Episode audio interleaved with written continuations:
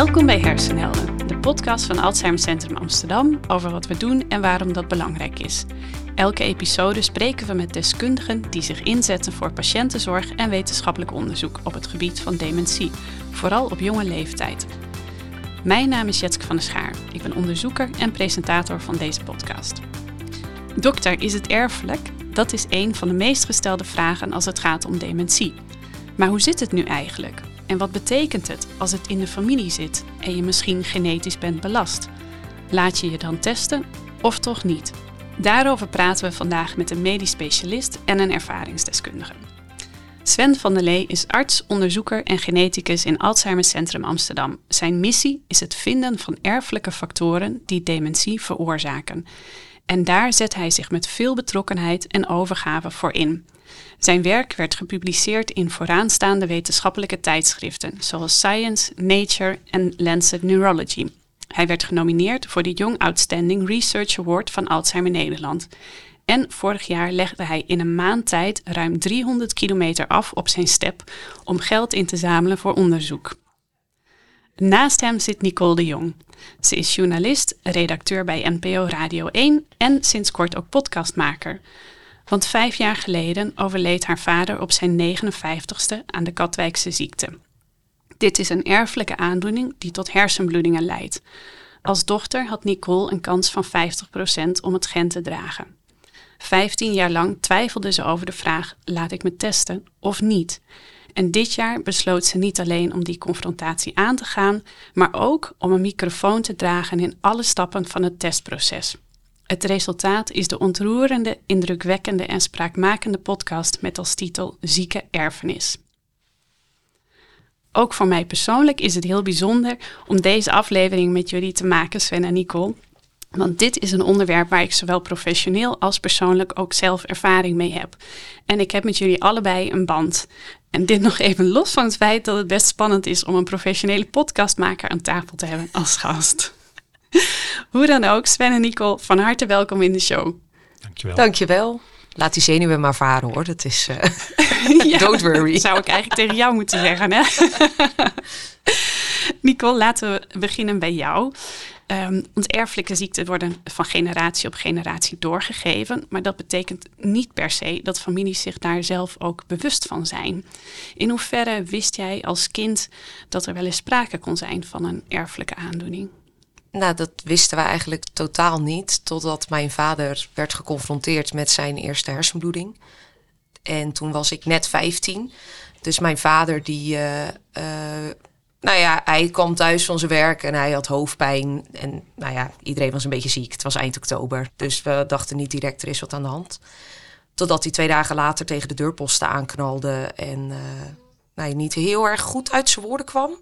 Dus wij dachten van, nou, we moeten misschien toch eventjes naar de dokterspost, want het was in het weekend. En daar dachten ze dat het om hersenvliesontsteking zou gaan. En op dat moment zei mijn moeder: Ik denk niet dat het hersenvliesontsteking is. Zijn vader is uh, overleden aan een hersenbloeding. En er was toen net wat meer aandacht voor de Katwijkse ziekte in Katwijk zelf, aangezien het uh, daar ooit is ontstaan.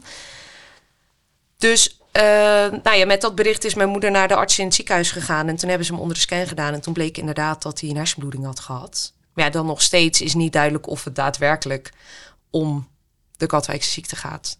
En vervolgens hebben mijn ouders dus besloten om een DNA-onderzoek in gang te zetten. En kregen we, nou, ik weet niet meer precies hoeveel later, maar toen kregen we te horen dat het daadwerkelijk om de Katwijkse ziekte ging. En vanaf dat moment wist ik dus ook dat het om iets erfelijks ging. Ja, dus eigenlijk was jouw moeder de eerste die eh, de stipjes met elkaar verbond. Ja. ja, ja. Dus jij hoorde ook eh, ja, rond je vijftiende dan um, dat het erfelijk is. Eh, wat ging er door jou heen toen je dat hoorde?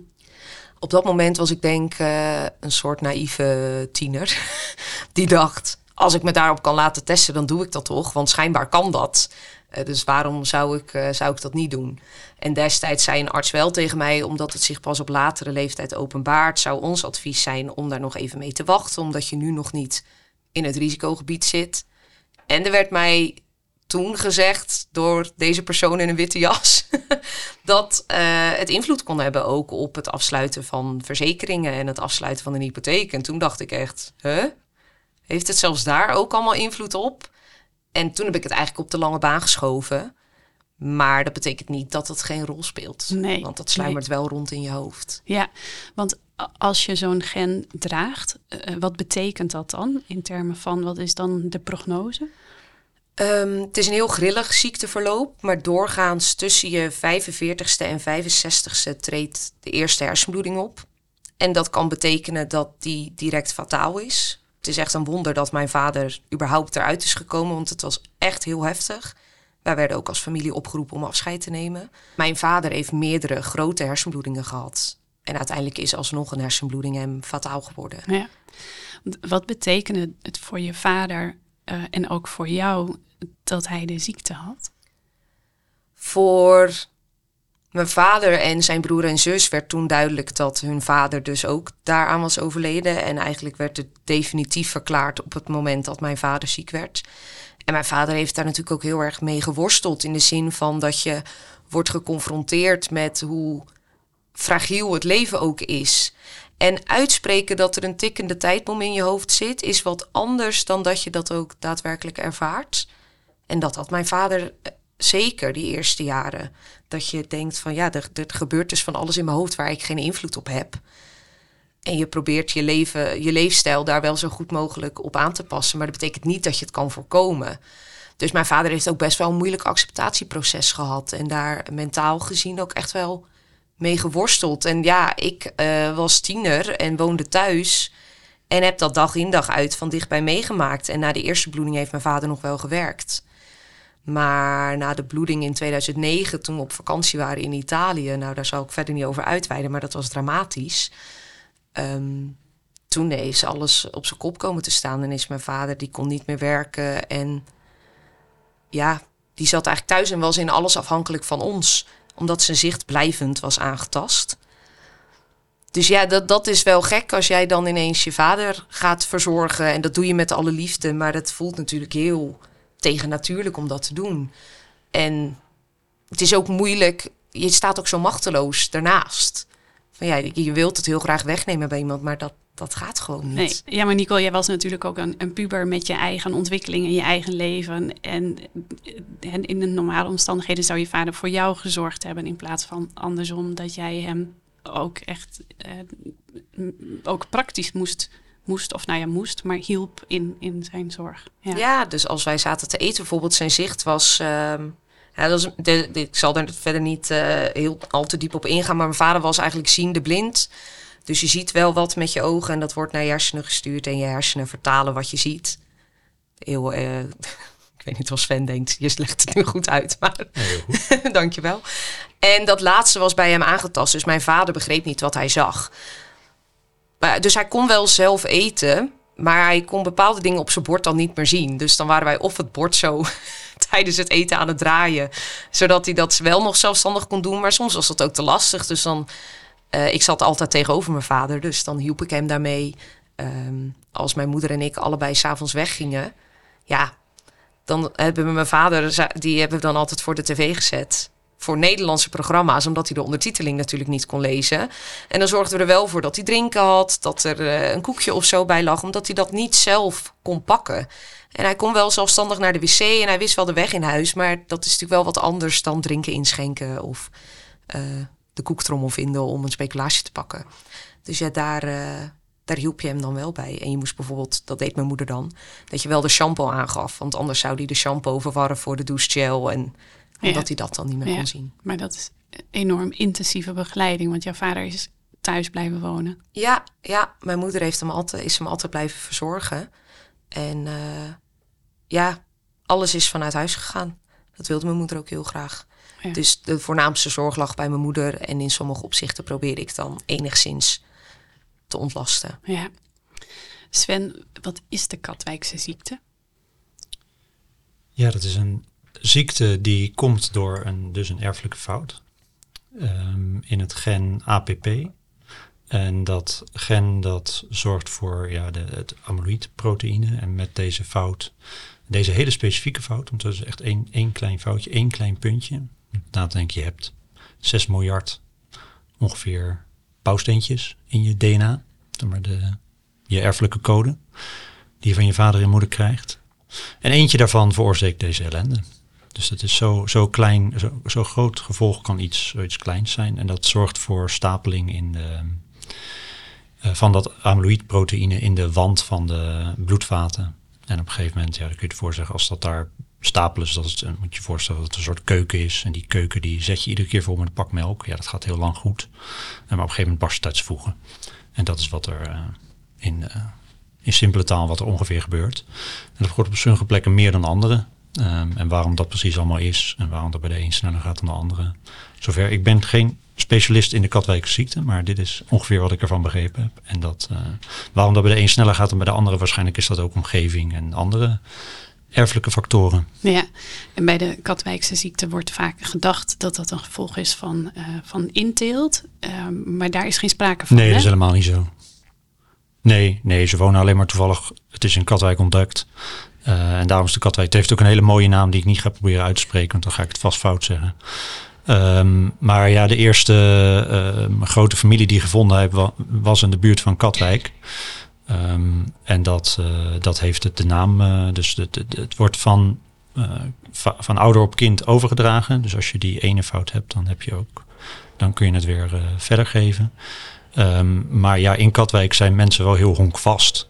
Dus het is niet dat ze inteel doen, nee, ze zijn gewoon heel honkvast. En daarom is het, de meeste patiënten zitten daarom nog in Katwijk. Maar ja, um, dat zit ook in Scheveningen. In Schotland Scheveningen, heeft nu een familie zich gemeld. En er zit ook best wel een populatie in Australië omdat daar dan weer Katwijkers, dat heeft allemaal wel een Katwijkse oorsprong, maar die zijn dan weer geëmigreerd naar ja. Australië. En daar uh, zit nu ook best wel een groep die ja. ja, aangedaan ja, is. Van de Rijn zit er ook een paar, dus is niet dat het, uh, het zit in heel Nederland. Uh, mensen worden steeds minder honkvast. Ja, ja. En Sven, jij krijgt regelmatig die vraag van patiënten, hè? want dokter, is het erfelijk? Krijgen mijn kinderen het ook? Wat is jouw antwoord daarop? Hoe zit dat? Het is niet met één zin te beantwoorden. Dus het ligt er heel erg aan. Uh, sommige ziektes bijvoorbeeld, die de, sommige dementieën zijn alleen maar bepaald um, omdat er een erfelijke oorzaak is. Dus die komt alleen maar voor. Dat is eigenlijk een voorbeeld daarvan is de Katwijkse ziekte. Die kan alleen maar bestaan als die fout er is. Dat, is, dat er één fout is in het DNA, één gen. Um, één fout, één gen. En waardoor er een ziekteproces ontstaat wat er uh, niet bij de andere vormen van diezelfde ziekte uh, is. Dus als je de ziekte van Alzheimer krijgt op oudere leeftijd, dan zou mijn anders, als, men, als iemand op 90 de ziekte van Alzheimer krijgt, ja, dan zou mijn antwoord bijna altijd zijn: het is niet erfelijk. Dus er is niet één fout die de ziekte veroorzaakt. Er is bij die oudere vorm van de ziekte van Alzheimer wel eigenlijk altijd wel een erfelijke component, noemen ze dat. Dan kun je zeggen erfelijke aanleg. Um, dus dat je wat meer verhoogd risico hebt door een hele samenspel van, dus ik net noemde ik, er zijn, dit is één fout, maar het kan ook een heel samenspel zijn van uh, heel veel andere kleine foutjes, zou je kunnen zeggen. Kleine, um, en dat wordt ook wel eens gezegd als soort knikkers. Uh, dat, dat je ook een, uh, als je knikkers in een emmer of water in een emmer. Um, waarbij zo'n, uh, met zo'n, zo'n grote fout, dat het die emmer heel snel vol is. En dat je het over je leven, zeg maar, dat die emmer heel snel vol is en dat je het op jonge leeftijd krijgt. Um, en bij andere aanleg is het meer van je hebt al een, een bodempje. Dat zeg maar de helft vol is, of een derde vol, of driekwart vol. Dat is je aanleg. En dan de rest is omgeving. Ja. Uh, of andere factoren die we eigenlijk niet weten. Eigenlijk meeste weten, meeste weten we niet. Daar moeten we gewoon heel eerlijk over zijn. En als we dan kijken naar die, die grote erfelijke fouten, hè, die de ja. emmer in één keer vullen. Uh, dat komt voor bij de Katwijkse ziekte, bij sommige vormen van dementie. Uh, maar bijvoorbeeld ook bij vormen van kanker. Ja. ziekte van Huntington. hoe vaak komt zo'n erfelijke fout die op volwassen leeftijd tot een ernstige ziekte leidt, hoe vaak komt dat voor in ja, Nederland? De schattingen lopen uiteen. Maar tussen de, de 3 en 5 procent. Zoiets van de Nederlanders zou een erfelijke aanleg hebben voor een, een ziekte. Maar dat kan ook een niet-dodelijke ziekte zijn. En um, ja, dat zou dus tussen een half miljoen en een miljoen mensen zouden dat moeten zijn. Dus eigenlijk best wel veel. Maar dat komt omdat er ook zo heel veel verschillende ziektes zijn. Voor erfelijke dementie, dus dan ziekte van Alzheimer bijvoorbeeld, dat is 1 op de 500 mensen ongeveer uh, met, de, met de ziekte van Alzheimer, zeg maar alle leeftijden, heeft, die, heeft zo'n erfelijke aanleg. En dan kan ik er natuurlijk een heel stuk afzetten, want die schattingen die. Maar het is heel weinig. Dan Ja. Minder dan 1%, veel minder dan 1% heeft waarschijnlijk zo'n erfelijke aanleg. Ja. En dat geldt hetzelfde voor de Katwijkse ziekte. Daarmee bedoel ik de verbloedingen. Ehm, ook een grote minderheid van de mensen die, eh, de ziekte van, die eh, een bloeding heeft, heeft niet de, ziek, de, de Katwijkse ziekte. Zelfs niet als je denkt bloedingen op jonge leeftijd. Want daar nog steeds is daar de hoogste risicofactor voor is leeftijd en hoge bloeddruk. Ja. Hele hoge bloeddruk kan ook een bloeding geven. Dus even voor de goede orde, zowel die hersenbloedingen als bij dementie geldt dat er echt zo'n erfelijke oorzaak is die de emmer in één keer vult. Dat is echt heel zeldzaam. Dat is, dat is, ja, wat is heel zeldzaam. Want het is ook, het is wel gebleken dat bijvoorbeeld bij borstkanker eh, dat het veel minder zeldzaam bleek toen er eenmaal een behandeling was. Ehm, dus waarschijnlijk komt het iets vaker voor dan we denken dat het voorkomt. Eh, ook omdat we alleen kijken bij de mensen die het echt jong krijgen. Ja, Daar kijken we eigenlijk alleen maar. En niet bij de mensen die het ouder, daar zoeken we er eigenlijk nooit naar. nee, en wat Nicole eigenlijk vertelt, hè, dat zo'n genetische oorzaak pas bij de generatie van onze ouders wordt vastgesteld. eh, dat is wel hoe het vaker gaat. Hè? Hoe komt dat, dat dat nu pas aan het licht komt? Eh, mensen worden ouder. Eh, dus als je het over ziektes hebt die in het verleden, ja, als je in het verleden aan iets anders overleed, voordat je die kans had om die ziekte te krijgen, dan, ehm, eh, dan, eh, dan ga je ze nu opeens vinden.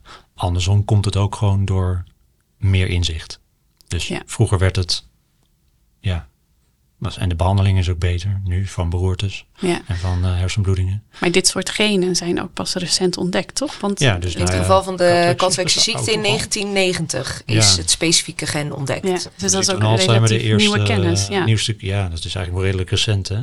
Ja, ja. Ehm, het is ook nog voor de, bijvoorbeeld dat we het hele menselijk genoom in kaart gebracht hadden. Dat is in, moet ik het goed zeggen, 2001 volgens mij. 2001, 2002. Dus dat is ver voor, daarvoor. Dus families, de, de familiestudies, dat was echt eh, 1985 tot 1995. Zeg maar. Toen zijn er toen zijn echt heel veel, ehm, toen was men in staat om die dingen, Ja. die fouten echt te gaan vinden. Ja, dus dat inzicht is eigenlijk gewoon nog relatief nieuw. Ja. Nicole, jouw vader overleed uiteindelijk aan de Katwijkse ziekte na een proces van een jaar of tien, hè? Ja, Ja. Eh, jij was toen denk ik rond, rond de 25, maar daarmee was de ziekte niet uit jouw leven, want dat hing boven jouw hoofd als een zwaard van Damocles. Die term heb je zelf gebruikt ook. Wat was de invloed daarvan op jou, op jou en op de beslissingen die je wel of niet in je leven nam? Nou, het was dus altijd wel aanwezig. Alleen, nou ja, wat ik aangaf toen, ik tiener was, dan weer wat in mindere mate. En ik merkte aan mezelf dat ik elke keer aan iets wilde ophangen. Dus dat ik dacht, als ik straks een relatie heb en ik denk nou over kinderen, dan ga ik het laten onderzoeken. En ik hoorde de hele tijd dat zinnetje nog steeds in mijn hoofd van die arts die zei: nee, zorg eerst dat je je eh, hypotheek en verzekering hebt geregeld. Dus dat bleef ook elke keer een rol spelen. En nou, die relatie kwam niet en nadenken over kinderen kwam ook niet. En maar dat gevoel dat ik wel behoefte had aan duidelijkheid, dat ging niet weg. Hoe eng ik dat ook vond. Want ehm, ja, het, is ook niet een beslissing die je heel makkelijk neemt. En daar praat je dan ook wel over met mensen. eh, maar dat, je, je kan best wel goed bij jezelf inchecken of je er heel onrustig van wordt. Van de stap zetten naar eh, eh, een DNA-onderzoek. Of dat het jou, of dat de drive om het te willen weten, dat die het dan wint. Toen kon ik gelukkig afvinken dat ik een huis had gekocht. heb gekocht. Gefeliciteerd. En dankjewel. Toen voelde het voor mij meer alsof de weg vrij was eh, om het te laten onderzoeken. En Ja, want wat va- vaak eigenlijk gezegd wordt, het is niet een vraag van laat je je testen, maar wanneer wil je weten? Want ook als je, je komt er vroeg of laat natuurlijk wel achter, ook, als je je niet laat testen. Ja, Ja, en het, het- het- wat bij mij ook een heel sterk gevoel was.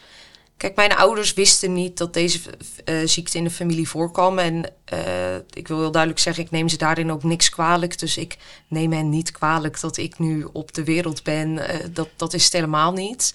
En ik kan me voorstellen dat er misschien wel mensen zijn die, die daar wel vragen over hebben naar hun ouders. Gelukkig heb ik dat voor mezelf niet. Maar ik voel wel, omdat ik nu omdat ik zo'n zelfbeschikking heb over mijn lichaam en ik nu ook nog niet een nieuwe generatie op de wereld heb gezet, voel ik daarin dus een hele grote verantwoordelijkheid om op voorhand te weten waar ik aan toe ben, zodat ik het een rol kan laten spelen in verdere beslissingen die ik maak. Ik vind dat voor mezelf wel heel belangrijk om van tevoren te weten waar ik aan toe ben, zodat ik daar uh, later me toe kan verhouden op basis van de informatie die dan verandert. Ja. Want soms wordt ook wel eens gezegd, testen heeft geen zin, want er is geen behandeling. Maar zo lijkt jij niet in de wedstrijd te zitten. Nee, Nee, bijvoorbeeld, kijk, mijn vader heeft ook een broer en een zus. En die hebben zich allebei niet laten testen. Ehm, en mijn oom zegt, die zegt dus inderdaad, ja, ik kan er vervolgens niks mee, want er is geen medicatie. En kan me ook voorstellen dat hij dat zegt, ja, omdat hij vervolgens al andere keuzes dus heeft gemaakt. Of andere, dat hij al keuzes heeft gemaakt. Ja, voor mij, natuurlijk is het heel vervelend dat er nog niks voorhanden is gelukkig troost je je dan ook weer met de gedachte dat er wel heel veel mensen dag in dag uit mee bezig zijn, waar ik altijd intens dankbaar voor ben. Dat die mensen hun leven inzetten om op zoek te gaan naar mogelijke medicatie. En het is moeilijk om daar uh, uh, dan hoop in te hebben, want niemand kan natuurlijk ooit zeggen wanneer er dan medicatie voorhanden is. Maar voor mij was het in ieder geval niet een reden om me dan maar niet te laten testen, omdat er dus nog niks is. Ik kan me wel goed voorstellen dat het verschil maakt voor mensen of er iets is of niet. En jij besloot niet alleen om die confronterende keuze aan te gaan en dat moeilijke, hele persoonlijke en emotionele proces uh, door te gaan, maar ook nog eens om dat te doen met de microfoon, zodat heel Nederland met jou mee kan luisteren. Waarom? ja, het is altijd al heel erg een verlangen van mij geweest om dit onderwerp meer op de kaart te zetten omdat, nou, we hebben het er net al over, misschien is het relatief zeldzaam, maar het is niet zo dat ik de enige ben met dit verhaal. En toch hoorde ik daar eigenlijk niet zoveel over. Terwijl als ik mensen vertelde dat uh, deze aandoening dan bij mij in de familie kwam en dat ik meer aandacht wilde voor erfelijke aandoeningen, kreeg ik altijd van mensen: Jeetje, nu je het zegt, ja, ik heb eigenlijk ook wel iemand uh, in mijn familie waar zoiets voorkomt, of uh, vrienden van mij bij wie zoiets speelt. En toen dacht ik, nou, het is toch eigenlijk gek dat daar nooit iets over wordt gemaakt dan is het natuurlijk nog wel een extra stap om dat allemaal op te gaan nemen. Maar ik had daar dus ook weer niet heel veel zenuwen over, omdat ik wel heel erg in charge was van wat laat ik dan daadwerkelijk horen. En ik ben daarin ook heel goed begeleid door mensen die zeiden: Oké, er blijft altijd een verschil bestaan tussen wat privé is en wat persoonlijk is. Je hoeft ook niet, tuurlijk, ik neem alles op, maar dat betekent niet dat ik al die gesprekken van A tot Z uitzend. Uh, en dat gaf mij ook alweer een bepaalde rust en vertrouwen om ja, het aan te gaan. En natuurlijk de, de, allereerste opname, dat is ja, zo'n klinisch geneticus en een, eh, en een psycholoog krijgen natuurlijk ook niet vaak die vraag. Ik denk dat Sven ook nog nooit die vraag heeft gehad. Ja, meer voor persoonlijk gebruik wel, maar niet voor uh, publiek gebruik. Ik zou overigens ik zou ik wel ja zeggen, denk ik. Ja. Ik er heel erg achter sta. Ik merkte wel inderdaad bij uh, medisch professionals dat het voor hen wel verschil maakte. Dat ik snap natuurlijk wel heel erg de gevoeligheid en de kwetsbaarheid van het onderwerp. Ik ben niet iemand die nou eenmaal ineens geïnteresseerd is geraakt hierin. Ik weet, uh, nou ja, hoe precies je moet zijn in je bewoordingen en uh, nou ja, langs welke ravijnen je misschien kan lopen. En ik merkte wel dat dat vertrouwen gaf bij de mensen die ik hiervoor benaderde. Want jij zegt eigenlijk zelf, het is een, een gevoelig onderwerp. Denk je dat het taboe is om dat rottige woord maar even te gebruiken? Ja, gelukkig in mijn familie is het nooit een taboe geweest om het erover te hebben. En dat heb ik dus altijd als een zegen ervaren. Want ja, we kunnen er nou eenmaal niks aan doen dat dit onderdeel uitmaakt van onze familie. Maar dan nog kan het altijd zo zijn dat bepaalde familieleden het er wel over willen hebben. Andere familieleden willen zich er juist verre van houden. Ja, daar, daar word je natuurlijk wel mee geconfronteerd op het moment dat zoiets in een familie voorkomt. Ik heb het dus altijd wel als heel bevrijdend ervaren dat er wel ruimte was om het erover te hebben. En het is heel verdrietig dat er veel mensen zijn in Katwijk die dit aangaat. Maar tegelijkertijd vond ik het ook altijd fijn daardoor dat het een gezicht had. Omdat ik wist, oh deze mensen snappen wel wat ik voel of wat ik doormaak. Of, nou ja. Ze zijn niet de enige in het dorp. Nee, en dat is natuurlijk aan de ene kant heel verdrietig. En aan de andere kant heb ik dat ook altijd wel als heel troostrijk ervaren. En gun ik het mensen dus ook om het erover te kunnen hebben. Omdat ik het, het is al best intens als je al die vragen door je eigen hoofd hebt uh, rondgaan. En als je die dan ook nog eens voor je gevoel altijd voor jezelf moet houden en niet met anderen kan delen, dat heb ik altijd wel heel vervelend gevonden, ook voor die mensen. Omdat ik dus zelf heb ervaren dat het fijn is om het te kunnen delen. Ja, want ik denk dat uh, vaak deze, die erfelijke aanleg is en blijft zeldzaam, hoe je het ook went of keert. Uh, en ik weet ook uit ervaring dat families zich daar ook heel alleen in kunnen voelen en het idee kunnen hebben dat ze de enige familie uh, zijn die daarmee te maken heeft. Geen andere mensen kennen die met die keuzes worstelen. En dan voor de vraag kan staan: laat ik me testen of niet? Zonder ook maar ooit met iemand gesproken te hebben die dat een keer heeft gedaan en die kan vertellen hoe dat is. Hè, anders gezegd, uh, ik heb nog nooit iemand bij op één horen uh, zien zitten die vertelde hoe dat was. En dat, dat was jij. En dat is in die zin denk ik wel heel uniek um, in Nederland. En misschien ook ver daarbuiten. En dus je hebt daar in die zin denk ik wel echt een enorme stap in gezet. Ik wil niet al te diep ingaan op het testproces en alle stappen die daarbij komen en alle informatie die daar uh, een rol in speelt. Want dat heb jij ongelooflijk knap en heel neutraal en netjes uh, um, en zorgvuldig aan de orde laten komen in jouw podcast. Dus als mensen daar meer over willen weten, luister vooral de podcast van Nicole Zieke Erfenis. Um, maar ik wil wel een stapje zetten naar de laatste aflevering van jouw podcast.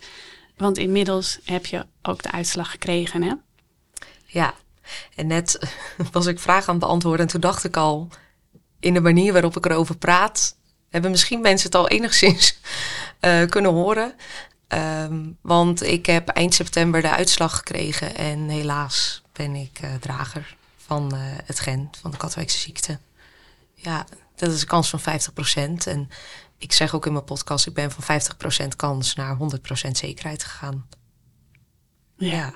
Ja, jeetje, Nico, het spijt me voor je. Ja. Ja. Dank je. Ja. Ja, dat is natuurlijk ook een hele heftige boodschap die je dan hoort. Je, ik kreeg vaak van mensen de vraag of je daar dan goed op kan voorbereiden. En dan zei ik ook ja. Dat, dat vond ik heel lastig. Want ik dacht, ja, ik laat het ook maar over me heen komen.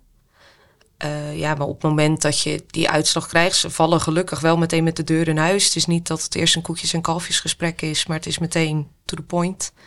Ja, dan, ja, dan is het enige wat je kan doen is huilen. En uh, die eerste dagen zijn dan ook, die zijn voor, dat, het is allemaal zo rauw ook. Zo heb ik het heel erg ervaren. Het, het is iets heel geks, dat, dat waar je jarenlang naartoe leeft, in mijn geval. Ik, ik, ik weet nog de dag voordat ik de uitslag kreeg, toen kreeg ik ineens zo'n gedachte in mijn hoofd van, oh, ik ga straks, dit is mijn leven voor de uitslag en dit is mijn leven na de uitslag. Dat, dat, dat, dat besefte ik toen pas, dat dat iets heel, het voelt echt als een leven voor en een leven na. En het was ook wel waar ik behoefte aan had. En ik had behoefte aan die uitslag, maar dat neemt niet weg dat het super ingrijpend is als je, als je dat hoort. Ja.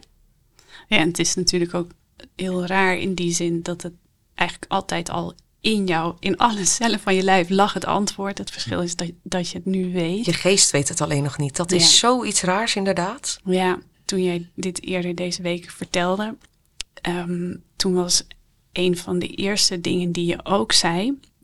Ik besef nu pas hoeveel veerkracht ik heb. Ja. Waar kwam dat vandaan?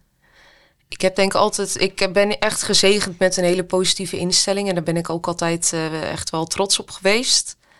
Ik, de, de, ik heb dus veel van mijn vader. Uh, helaas ook dit gen. En, maar mijn vader had wel een soort andere inborst. En ik ben altijd wel heel trots geweest op het feit dat ik daar, uh, nou ja, dat ik daar gelukkig. Uh, uh, ik laat alle emoties de revue passeren. Dat is helemaal. Dit is niet dat ik nu denk, oh schouders eronder en daar gaan we. En er mag geen ruimte zijn voor verdriet. Dat is het niet. Maar de eerste dagen zijn heel rauw. En ik weet nog dat de klinisch geneticus en de psycholoog tegen mij zeiden... nu voelt alles heel intens. En denk je echt, nou, dit gaat nooit meer beter worden hoe ik me nu voel. En je wereld uh, voelt misschien alsof die uh, onder je vandaan is geslagen.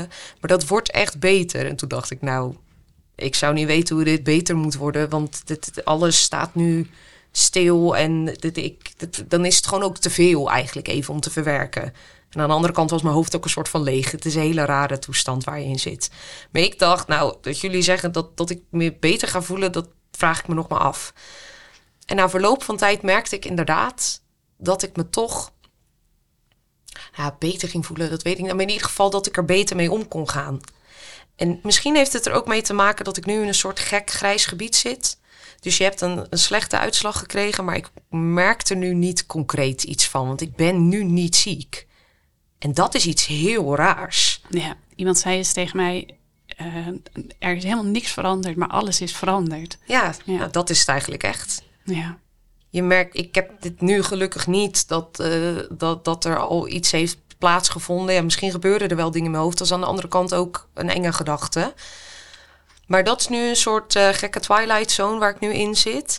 En daardoor merk ik ook wel dat het intense verdriet wat ik heb gevoeld en wat ik vast op andere momenten in mijn leven weer ga voelen, uh, dat mag er zijn. Maar ik ben dus ook heel trots op mijn veerkracht dat ik me dus ook zo kan voelen zoals ik me nu voel of hoe ik me andere dagen ga voelen. Uh, en dat, dat, dat je daar als mens dus ook toe in staat bent. En wellicht zijn er mensen die het helaas wel blijvend als iets heel zwaars ervaren. Maar dan ben ik dus blij uh, voor mezelf dat, dat ik dan wel die veerkracht uh, in me heb. Om nee. alle emoties de revue te laten passeren en het maar te ondergaan zoals het komt. Ja. het ene moment moet ik er wel om huilen en nu dan weer even niet. En dat, dat is dan ook wat het is. Ja.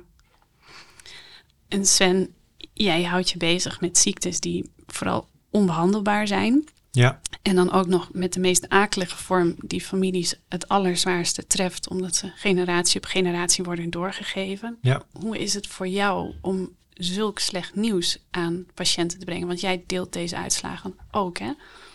Ja, dat is zo. En je bespreekt ze ook voor. Um, probeert mensen voor te bereiden. Dan zeg je ook, ja, probeer het. Dus ik zeg dat altijd, ik probeer het, maar het heeft geen zin. Um, je hoopt dat ze de volledig achter hun keuze staan. Dat is echt het belangrijkste. Als iemand volledig achter zijn keuze staat, en dat moet je proberen aan te voelen en uit te zoeken. Ik doe overigens geen, um, um, omdat ik, ben geen klinisch geneticus, ik ben slechts ja, onderzoeker en arts. Uh, dus we hebben afgesproken dat ik niet de mensen doe die nog geen, dus mensen deze uitslagen en testen doe bij mensen waar nog geen klachten zijn. Dat is een afspraak binnen het ziekenhuis. Uh, omdat dat gewoon echt een, uh, een, ja, daar moet je voor geleerd hebben. Ik zeg het, ik ben al wel expert, maar ik heb er niet voor geleerd. Um, uh, dus alleen, ik spreek dus alleen mensen waar, dus de, waar de ziekte zich al geopenbaard heeft. En waar we dan gaan zoeken of er een oorzaak, een erfelijke oorzaak is. Um, en dan is de, de reden van mensen om um, dit te doen is eigenlijk bijna altijd voor de volgende generatie. Dus genetisch onderzoek doen we voor de volgende generatie, bij dementie dan. Um, want er is niet zo heel veel wat je kunt doen. Maar je zit dus wel met de volgende generatie vaak aan tafel. Um, de kinderen. Komen die dan mee met degene die ja, al... Ja, ik graag wel. Probeer ik altijd ja. wel te doen. Soms gebeurt het niet. Uh, bij dementie gebeurt het ook regelmatig. Dus, uh, ik heb ook hele jonge kinderen. Dus dat het uh, onder de tien, dat die er ook zijn. Ja, dan worden ze er niet bij belast. Dan, dan, dan, is dat, dan is dat daarna. Ze niet belast met de keuze om het wel of niet te gaan onderzoeken. Nou, dan hebben we op een gegeven moment een besluit genomen samen. Um, en dan uh, wordt die zo'n test ingezet. Dan moet je drie maanden wachten. Ja, voor mij gaan die drie maanden natuurlijk heel snel. Ik weet dat voor de patiënt het vaak heel lang duurt. Um, en dan krijg je zo'n uitslag. En dan, ja, voor mij is dat dan, ik kijk dan, ik krijg dat in mijn uh, inbox, zeg maar. Um, ik moet altijd wel even hardgrondig vloeken. Want ik ken natuurlijk dan toch ook die mensen. En ik pot voor drie. Uh, weer één. Dat denk ik dan altijd. En dan zakt het ook gewoon voor mij wel redelijk snel weer weg. Ja, het is niet mijn, zo mijn dagelijks. Ik kan het ook niet mijn dagen laten beïnvloeden, want dat, dat werkt niet. Um, maar dan heb je vaak die dag van tevoren. Dus dan moet je dat voorbereiden. En dan ga ik wel met bezwaard, uh, um, bezwaard een beetje naar het. Uh, ik leef er altijd wel even naartoe. Uh, en dan inderdaad, wat je ook al zei, is mij aangeleerd om dat zo snel mogelijk Um, de, de, jas ophangen is zeg maar het maximale wat mag gebeuren. En dan de uitslag geven. Uh, en dan weet ik wat ik voor. Ik weet wat voor van ja, vanuit persoonlijk en professioneel wat voor impact dat heeft. Maar ik zie ze dan maar een half uur aan uur. En dan moeten mensen weer terug. En dan hoop je dat je ze de handvaten gegeven hebt om dat, zoals jij dat mooi vertelt, om, een, om dat een ja, je, kan het niet een plek geven, dan lijkt alsof het weg is en niet meer naar gekeken hoeft te worden. Dat je dat eh, ergens een, eh, dat je ermee goed beter mee om kan leren gaan. En ehm, ja, en dan zie je mensen na drie maanden weer terug. En dan eigenlijk, of na een maand bellen we vaak. En dan drie maanden nog eens terugzien. Dan zie je vaak inderdaad wel dat het ergens een plekje gekregen. Maar dan komt de rest van de familie. Dus Ja. vaak doe ik dan, dan wordt de rest van de familie, alle aangedane mensen krijg ik eerst en dan de kinderen. En eh, de niet aangedane mensen die gaan naar mijn collega's. En dat hoor je dan zo, dat gaat dan, ja, toch als de grote familie is, kan dat best wel lang, zeg maar, dat je steeds weer dezelfde, nee, ik ken ook al die namen. Ja, dan zeg je, oh, daar is een pot voor drie. Eh, eh, weer één. Ja, Ehm, en dan- iedereen heeft daar natuurlijk zijn eigen Ja. keuzes in te maken. Eh, laat je testen, laat je niet testen. Eh, kies je ervoor om kinderen te krijgen op de natuurlijke wijze? Dan krijg je al die, al die vragen die jij. eh, en ik kan dat alleen maar nog een keer zeggen. Mocht je hiermee zitten, en hier naar luisteren, hiermee zitten, luister de podcast. Luister hem nog een keer. Van Nicole Eh, hebben we het van over, hè? Nicole. Ja, de deze ook hoor, maar van Nicole. En daar wordt, je hebt echt, echt mijn complimenten brengen. Bijna alles wat wij proberen te vertellen, vertel jij beter. Ehm, omdat je er meer de tijd voor neemt en het rustig kan. eh, en de, de experts komen aan het woord.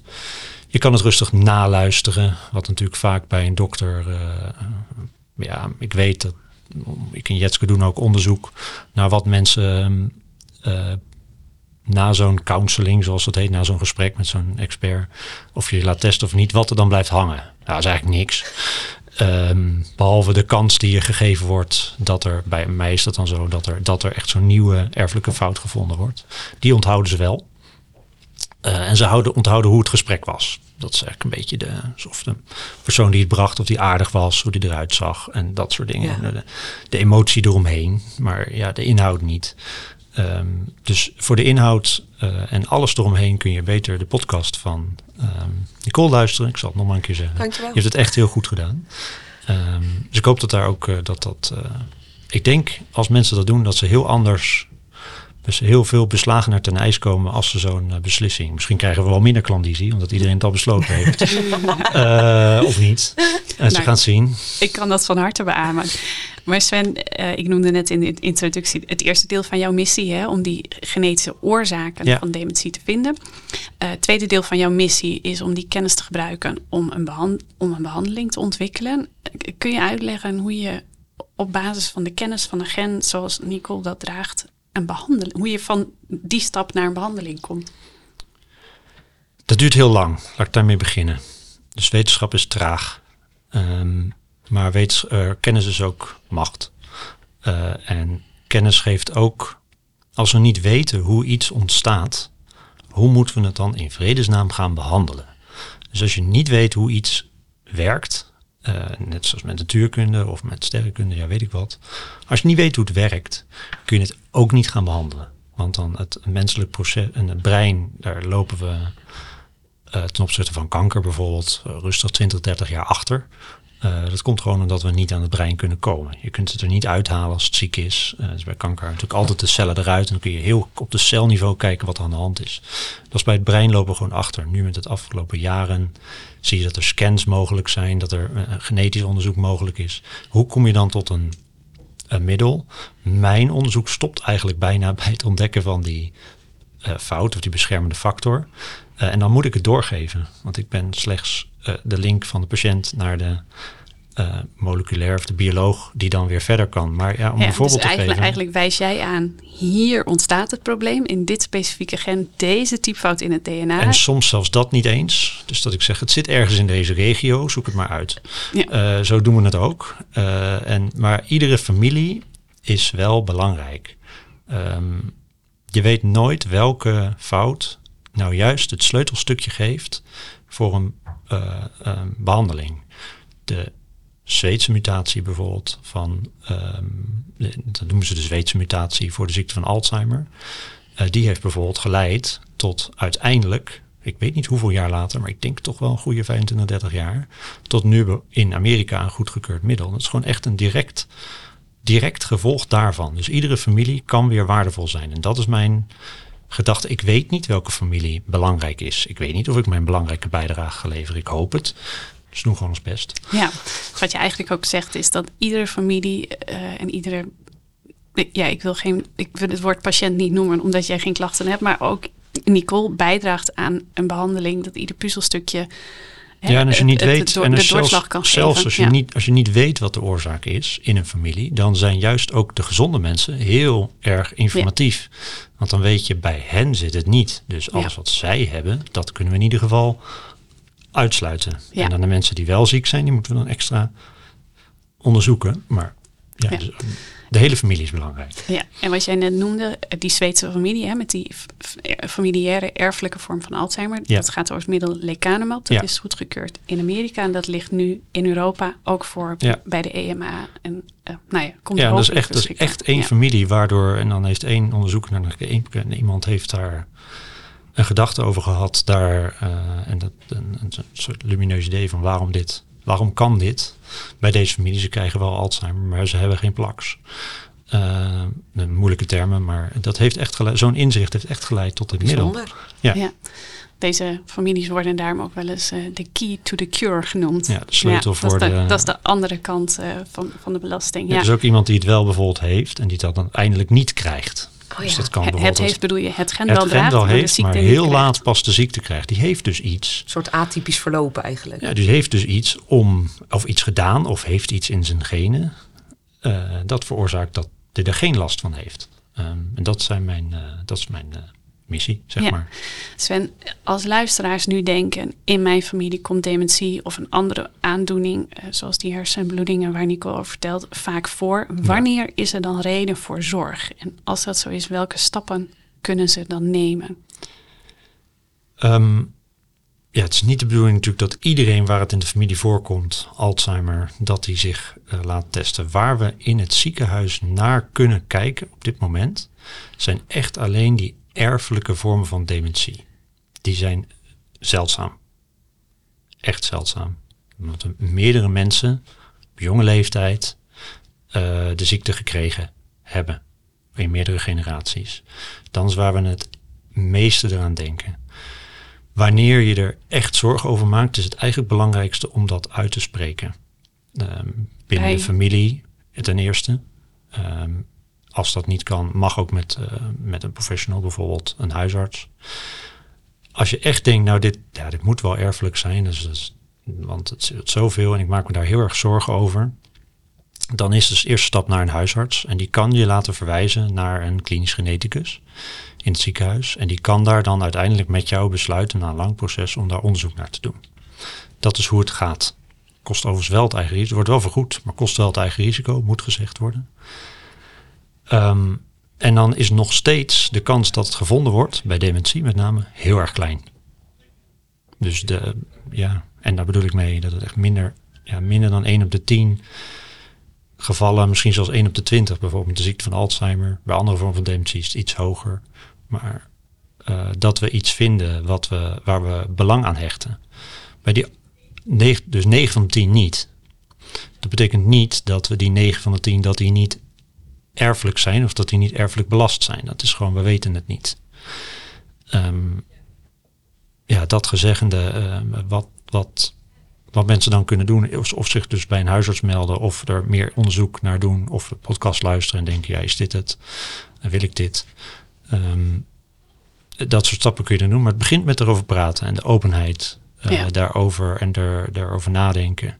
Het is niet zo, dat ga ik toch zeggen, het hebben we nog niet gezegd. Ik lijk op mijn vader, want ik doe hetzelfde. Of ik lijk op mijn moeder, want ik doe hetzelfde. Ik heb dezelfde ogen, dezelfde tenen, et cetera. Dat heeft er helemaal niets mee te maken. Dus dat, dat moet gezegd worden. Als je, het is ook, ook gevoel, het, gevoelsmatig is het wel zo, maar het is echt niet zo. Ehm, in deze podcast houden we ook elke episode een theorie, aanpak of behandeling tegen het licht. En voor jullie heb ik de volgende stelling om er maar eens even met gestrekt been in te gaan. Als een erfelijke ziekte in een familie voorkomt, moet iedereen zich laten testen. Eens of oneens? Oneens. Oneens, mogen ze zelf weten. Dat inderdaad. Nee, ik vind het heel belangrijk dat iedereen daarin zijn eigen keus maakt. Overigens moet wel weten dat dit voor mensen heel erg belangrijk is of er een consequentie is. Dat is voor heel veel mensen is al gebleken bij ziekte. Als er dan opeens een consequentie is, namelijk een behandeling, dan verandert zowel de instelling van de witte jassen als de instelling van de patiënt. ik uh, kan me hier van uh, harte bij aansluiten. En ook uh, Nicole, wat jij zei. Hè, dat het vooral belangrijk is dat mensen over de informatie beschikken om zo'n keuze te kunnen maken. En wat ze dan ook kiezen, alles zou goed moeten zijn. Als uitsmijter heb ik nog voor jullie allebei een vraag. En Nicole, de eerste is voor jou. Wat is het belangrijkste wat je hiervan hebt geleerd? Ik heb denk vooral geleerd dat ik nog meer bevestigd ben geraakt in hoe belangrijk het is om dit bespreekbaar te maken. Want ja, dat helpt gewoon echt. Als mensen de ruimte ervaren om te delen waar je mee zit, welke worstelingen er in je omgaan. Ik krijg dat nu ook terug in reacties. Dat mensen heel blij zijn, hoe verdrietig ook, maar dat ze heel blij zijn dat ze zich erin kunnen herkennen. Dus uh, daar ben ik heel blij mee. En ik heb dus nog meer geleerd dat ik veerkrachtiger ben dan ik uh, van tevoren had gedacht. Sven, wat is het belangrijkste dat jij mee wil geven aan onze luisteraars? Twee dingen. Eén, uh, de, deze podcast heet Hersenhelden. Um, en die worden, worden professional uitgelicht en wij worden bevoedstuk geplaatst. Nou, nedigheidshalve, wij doen, ik doe gewoon mijn werk en ik vind het hartstikke leuk. Uh, en uh, ik vind patiënten en familieleden en daarover praten hartstikke leuk. Eigenlijk zijn de mensen die er echt over willen hebben en die dit uit de verdomhoekjes trekken, en dan kijk ik toch jullie alle twee een beetje aan. jullie zijn echt hier helden in. En ik hoop als ik dat mag dat meer mensen er open in zijn. Dus dat, uh, dat, dat dit speelt en draag ook bij aan een oplossing in de vorm van een uh, wetenschappelijk onderzoek. Dus er hoeft niet altijd onderzoek bij jezelf te zijn. Maar als je de mogelijkheid hebt om bij te dragen aan onderzoek, dan help je niet alleen de onderzoekers, maar ook de mensen en zeker voor erfelijkheidsonderzoek de volgende generatie. Dus wees daar open in, draag bij. Dat is eigenlijk en het tweede deel is, ja, wij doen dus ook een familieonderzoek. Het heet de Dementrie-studie. En ik denk dat onder de podcast ergens het e-mailadres uh, stuur. Als, u, als een, iemand nu denkt, ja, dit, ja, jullie moeten van mijn familie leren. En mijn familie staat er ook open. En er zijn meerdere mensen in mijn familie nu ziek. En die leven nog. Dat zijn eigenlijk uh, de families waar wij heel erg naar op zoek zijn.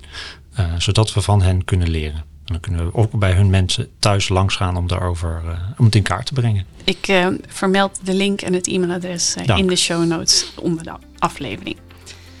Nicole en Sven, ik wil jullie allebei enorm bedanken. Nicole voor jouw inzet om openheid en informatie te geven over vragen waar families vaak in stilte mee worstelen en het testproces waar ze vaak alleen of met een paar naasten doorheen gaan. En ik weet zeker dat iedereen die te maken heeft met een erfelijke aandoening enorm veel baat uh, zou kunnen hebben uh, bij het luisteren van jouw podcast. En Sven, ook aan jou enorm veel dank dat je je zo inzet voor deze families naar, uh, in je zoektocht naar de oorzaken en dat als startpunt voor het ontwikkelen van een behandeling. We hebben deze episode opgenomen op 26 oktober in Alzheimer Centrum Amsterdam. Met dank aan Mark Brouwer die achter de knoppen zit. In de show notes van deze aflevering vind je meer informatie over de onderwerpen waar we over spraken. Wil je meer weten over Alzheimer Centrum Amsterdam? Dan vind je ons op Twitter, Facebook, Instagram en LinkedIn als je zoekt op Alzheimer Centrum Amsterdam. Heb je een vraag of opmerking over deze podcast? Stuur dan een mail naar hersenhelden.amsterdamumc.nl. Tot de volgende keer.